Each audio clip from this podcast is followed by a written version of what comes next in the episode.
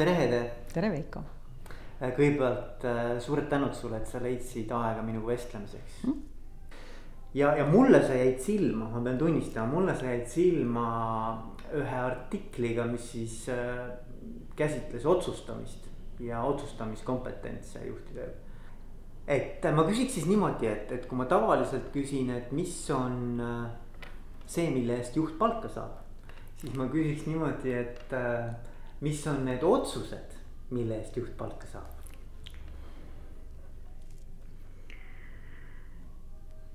minu jaoks otsused ja otsustamine ongi juhi töö üks põhilisi äh, sisusid. ja neid otsuseid on ju väga erinevaid, on suuri strateegilisi otsuseid, on selliseid taktikalisi igapäevategevuse otsuseid ja on päris väikseid äh, ka väga olulisi asju, mis äh, edasilükkamist ei kannata, mis mhm. tegemata jätmise korral halvavad organisatsiooni töö. ja kahjuks peab tõdema, et otsustamatust näeb Eesti organisatsioonides ja juhtide juures ikka päris palju mm. -hmm. ja otsustamatus on ka tegelikult otsus. ja mm, kuigi ma julgeks öelda, et juht ei taju seda sellel hetkel sellisena, et kui see on mhm. teadlik valik, et ma jätan selles asjas otsuse tegemata, sest mis iganes see siis on, ma tahan, et otsustab teine inimene, ma näen, et selleks otsuseks pole õige aeg, jah, siis ta tõesti on otsus mm. -hmm. mina olen rohkem kohanud seda, kus, ähm, kus me uurime veel, me otsime veel andmeid juurde me mõtleme veel, me kaalume veel, me analüüsime veel, me jäämegi sellesse nii-öelda paralysis of analysis nagu faasi ja otsust ei sünni mm. -hmm. ja endale on mõistlik ähm, teada anda või nii-öelda vastu võtta see teadmine, et meil ei ole kunagi kõiki andmeid, et teha täiuslikku otsust. ja juhi roll on ära tunda need olukorrad, kus, kus see on halvav, kui ta jätab otsuse tegemata mm. -hmm aga mis, kui nüüd mõelda selle peale, et mis siis ütleme sellise otsustamise juures sellised kõige olulisemad noh, teadvustamist vajavad aspektid on, et mis, mis sa nagu ise oled sellise coach'ina nagu tähele pannud, et mis juhtide jaoks kõige, kõige keerulisem selle juures on? ma arvan, et esimene kõige keerulisem on, on arusaam, et inimene ei ole ratsionaalne olend meile, meile võib tunduda, et me oleme, et tegelikult väga paljuski me ei ole seda, et inimene on pigem postratsionaliseeriv olend ja me suudame tagantjärgi oma otsustele leida õigustused.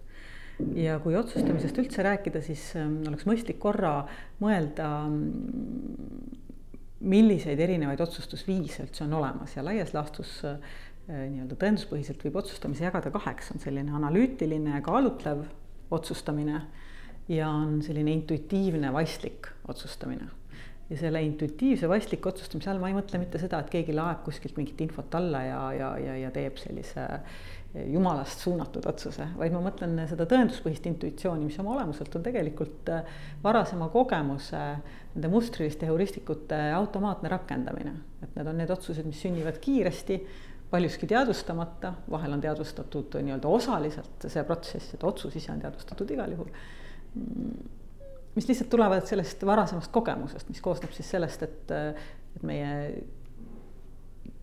kiirmõtlemine hindab ära selle olukorra, arvab, et ta tunneb selle ära ja kohandab sellele varem hästi toiminud või, või mingil viisil toiminud mm, skeemi, see on suur osa meie otsustest on tegelikult sellised. ja nüüd, kui, kui sealt minna nüüd juhtimise juurde, siis, siis üks või teine otsustuskompetents või see skaala ei ole parem või halvem kui, kui teine. et nad mõlemad on juhile vajalikud on lihtsalt vaja ära tunda, mis olukordades ma, mina juhina saan usaldada oma intuitsiooni või seda nii-öelda varasema kogemuse mustrit ja mis olukordades mul on vaja seda ratsionaalset analüütilist äh, otsustamist. ja sellel, see, see ratsionaalne analüütiline otsustamine, see on väga selge protsess, kus hinnatakse alternatiive, nende alternatiividele määratakse kaalud ja sealt, see ongi selline selge viiesammuline protsess, kuidas neid otsuseid langetatakse ja kõik, mis sinna alla ei lähe, on vähemasti siis osaliselt intuitiivne ja kust nüüd need ähm, mured või kitsaskohad hakkavad sisse tulema, on see, et äh, kas me hindame seda olukorda selle kiirmõtlemise käigus õigesti või kui õigesti me seda hindame ja kas see skeem, mida me sinna rakendame niimoodi kiirmõtlemise korral, kas see sinna sobib? Mm.. ja siis tulevad mängu juba sellised levinud mõtlemiskald, kalded, millest, mille eest Kahnemann ja Tversky said Nobeli juba päris mõnda aega tagasi, esimesed psühholoogid, kes said Nobeli huvitav on võib-olla märkida seda, et, et just see nädal sai Richard Thaler sai Nobeli, järgmine mm. psühholoog, kes sai sisuliselt sedasama käitumisökonoomika arenduste eest Nobeli, tal on väga tore raamat pealkirjaga Nudge et, et need on nagu need valdkonnad, kus, mida tasub juhil uurida, et millised on need levinumad mõttekalded mm., mis mõjutavad tema otsustamist. ja, ja hästi palju räägitakse sellisest nagu kõhutundest. Äh, mis, mis nagu sinu arvamus on, et, et kas kõhutunne, mis asi see kõhutunne üldse on?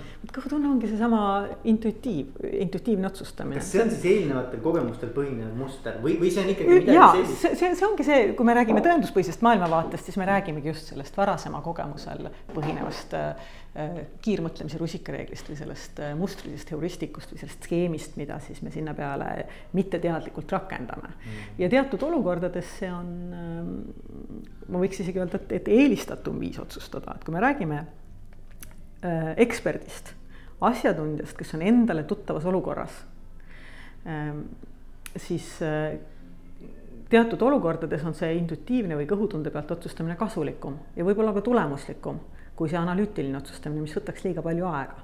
et sageli tuuakse näidet äh, lennujuhtimiskeskusest, kus äh, ma nüüd jään aastaarvuga nagu hätta, aga kus ähm, äh, see mm, radarilt sisse tulevaid lennukeid lahinguolukorras jälgiv mees ilma analüüsimata tajus ära, et üks liginev asi ei ole mitte oma lennuk, vaid on vaenlase mm. mis iganes äh, asi, mille ta siis ka enne, kui ta jõudis analüüsida, tegelikult õhku lasi, eks ole, hiljem seda otsust analüüsides selgus, et loomulikult ta, temas toimus see selle, selle mustri kohaldamine, et selle lendamiskiiruse, kõrguse ja kauguse ja selle liginemise tempo järgi ta sai aru, et see ei ole need tavapärased oma lennukid. kui ta oleks nüüd võtnud siin analüüsimise, et kus see asub, millal see tuleb, mis kiirusega läheb, tema enda see post oleks enne lennanud õhku, kui ta oleks saanud reageerida, eks.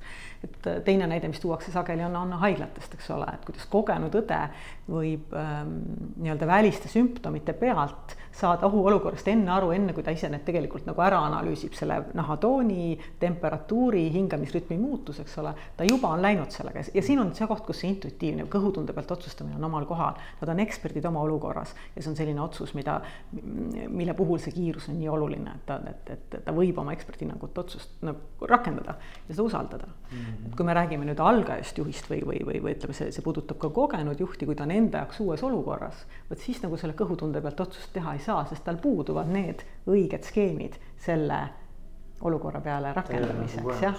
just, just tal puudub see kogemus, ta rakendab tõenäoliselt teise olukorra kogemust sinna peale, ta nii-öelda hindab seda sarnaseks ja ta tegelikult ei tea, kas see toimub, nii et noh, et olukorras, mis on meie jaoks uus ja kus see otsus on oluline, tuleb igal juhul äh, rakendada ratsionaalse kaalutleva otsustamise meetodid. aga siin on nagu huvitav, mina olen hästi palju värbamisega kokku puutunud, eks ju ja värbamisel öeldakse seda, et äh, ja seda on minu arust uuringutega ka tõestatud, et, et äh, juht teeb selle otsuse üpris kiiresti ära oma peas.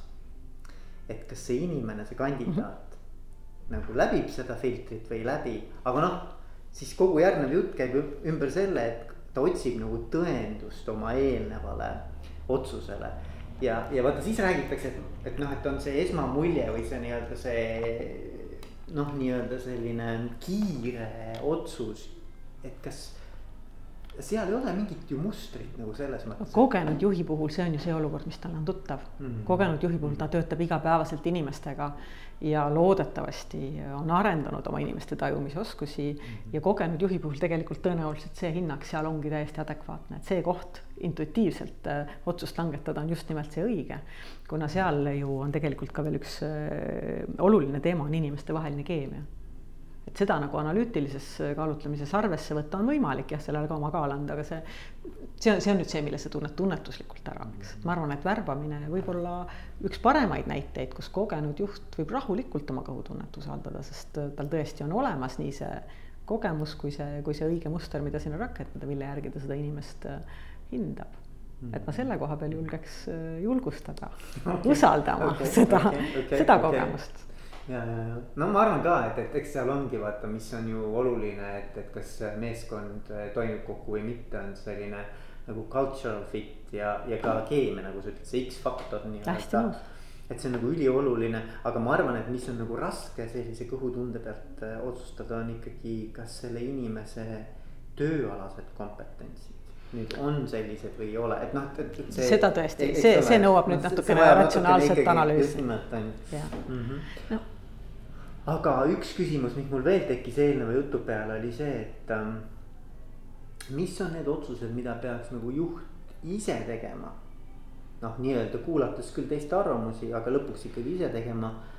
ja mis on need otsused võib-olla ja kas on üldse, mida peaks juht tegelikult usaldama tiimil teha? oled sa see, selle peale ka mõelnud, et mis, mis nagu on niuksed otsused, mis oleks äh, nagu tiimi enda otsustusvaldkond? see on üks väga hea küsimus ja ma kardan, et sellele ei ole sellist hästi lihtsat vastust, et alati on nii. Ehm, ma natuke üldse kahtlen tiimi otsuses okay., äh, sest ehm, ma mõistan täielikult tiimi kaasamist otsustusse, aga tegelikult otsusega kaasneb alati vastutus. ja jagatud vastutus äh, kipub asju tegema pigem äh, laialivalguvaks ja hämaraks teistpidi, kui ma nüüd suuremat pilti vaatan, siis minu tunne või mõte on selline, et äh, strateegilised otsused, mil, mis äh, määravad otseselt äritulemust, see vastutus lasub juhi peal, ta peab neid igal juhul tegema. tiimi kaasates loodetavasti, vajalikke eksperte kaasates, aga otsus on tema. ja teiselt poolt on minu mõte ka see, et otsus tuleks viia nii madalale tasemele organisatsioonis kui võimalik et kui sul on võimalik viia otsus äh, klienditeenindaja tasemele, siis sa viidki selle sinna, kui see on selline otsus, mille kasutegur seal on kõige mõistlikum, siis sa annad neile inimestele nii tööriistad selle otsuse tegemiseks kui ka vastutuse, mis sellega kaasneb.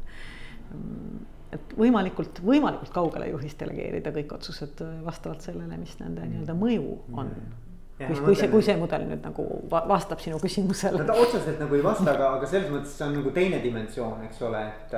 et sa nagu annad sellise empowerment'i nagu otsesesse sellesse kliendi kontakti. seesama see nii-öelda teenindaja või, või kes iganes siis selle kontakti juures on, et temal on õigus äh, vastavalt siis oma parima nii-öelda äranägemise järgi mingisuguses oma vastutuse piirides ja, langetada kohe otsus, mitte seda eskaleerida just, järgmisele tasandile. just, just, et, et, et see, sellest ma saan väga hästi aru ja ma arvan, et sellest saavad ka kliendid väga hästi aru. ja lõpuks vastutab ikka juht, sest juhid aga... juhivad asjad juhtuma ja läbi juhi otsuste peab nagu see tulemus sündima mm. -hmm aga jah, et, et see mul mõnikord on see küsimus päris nagu päriselus, et, et, et kas on neid teemasid, kus tegelikult juht peaks usaldama rohkem tiimi, isegi kui tal endal on teine arvamus. aga kui tiim tervikuna arvab teistmoodi, kas ta peaks siis ütlema, et vot see on nüüd teie selline noh, et ma, ma tulen kaasa teiega, et ma usaldan, mida teie ütlete. see on ikkagi tema otsus ju siis. Ma olen hästi nõus sinuga, et jah, on neid teemasid, kus, ähm, kus ilmselt on juhil mõistlik äh, teiste inimeste nii sisetunnet või seda eksperdi kogemust, kui neid rakenduvaid mustreid, kui, kui ka seda analüütikat rohkem arvestada, kui, kui enda nii-öelda esmast arvamust, aga ma loodan, et seal käib ikkagi see otsustusprotsess kaasas, et ta siis kaalub selle otsuse läbi ja ratsionaalselt kaalub, mitte tunnetuslikult, et selle otsuse ma tunnetuslikult annan tiimile ja teise tunnetuslikult jätan andmata, et, et see on nüüd see koht, kus peaks ikkagi oma uusajukoore tööle rakendama ja selle olukorra läbi analüüsima. et see on ikka kaalutud risk, eks ole, selles mõttes. jah, just. Mm. -hmm kas on Ede midagi veel, mida ma ei oska võib-olla su otsustamise kohta küsida, aga mida sa kindlasti tahaksid juhtidele südamele panna hmm.? mis ma tahaks kindlasti südamele panna, on, on seesama enda eneseanalüüs või enesereflektsioon juhina.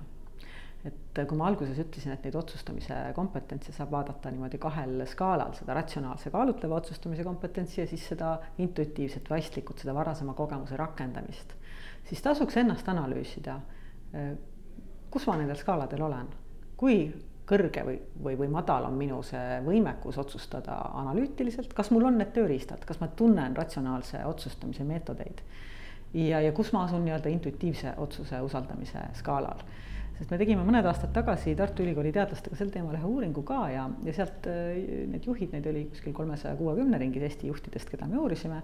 jagunevad seal kahel skaalal kenasti nelja gruppi, ühed, kes on pigem siis intuitiivsed otsustajad oma nii-öelda tüpaažilt, teised, kes on pigem kaalutlevad analüütilised otsustajad oma tüpaažilt kolmandad, kus me kõik tahaksime olla, kus kõik juhid võiks olla, need paindlikud otsustajad, kes tunnevad hästi ära neid olukordi, mis nõuavad üht või teist mm. kompetentsi, on mõlemas võrdselt tugevad ja oskavad neid õigesti rakendada.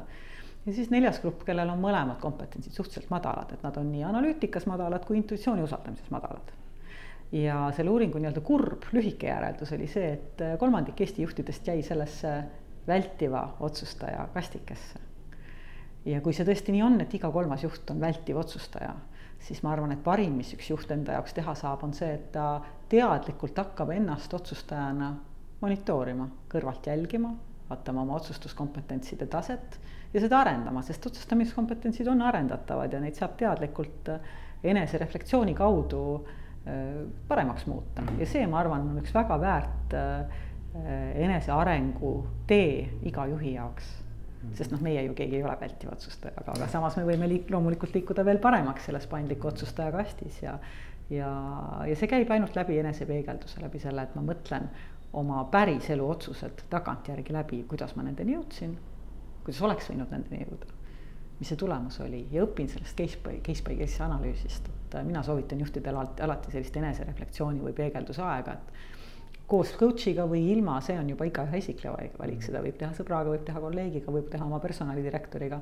sõltub valdkonnast, kasvõi finantsdirektoriga, aga, aga mingi hetk võtta aeg maha ja, ja vaadata tagasi oma viimase nädala või kuu otsustele. ja sellele, milline otsustaja ma olen, milliseks otsustajaks ma tahan liikuda. aitäh sulle, Ede. palun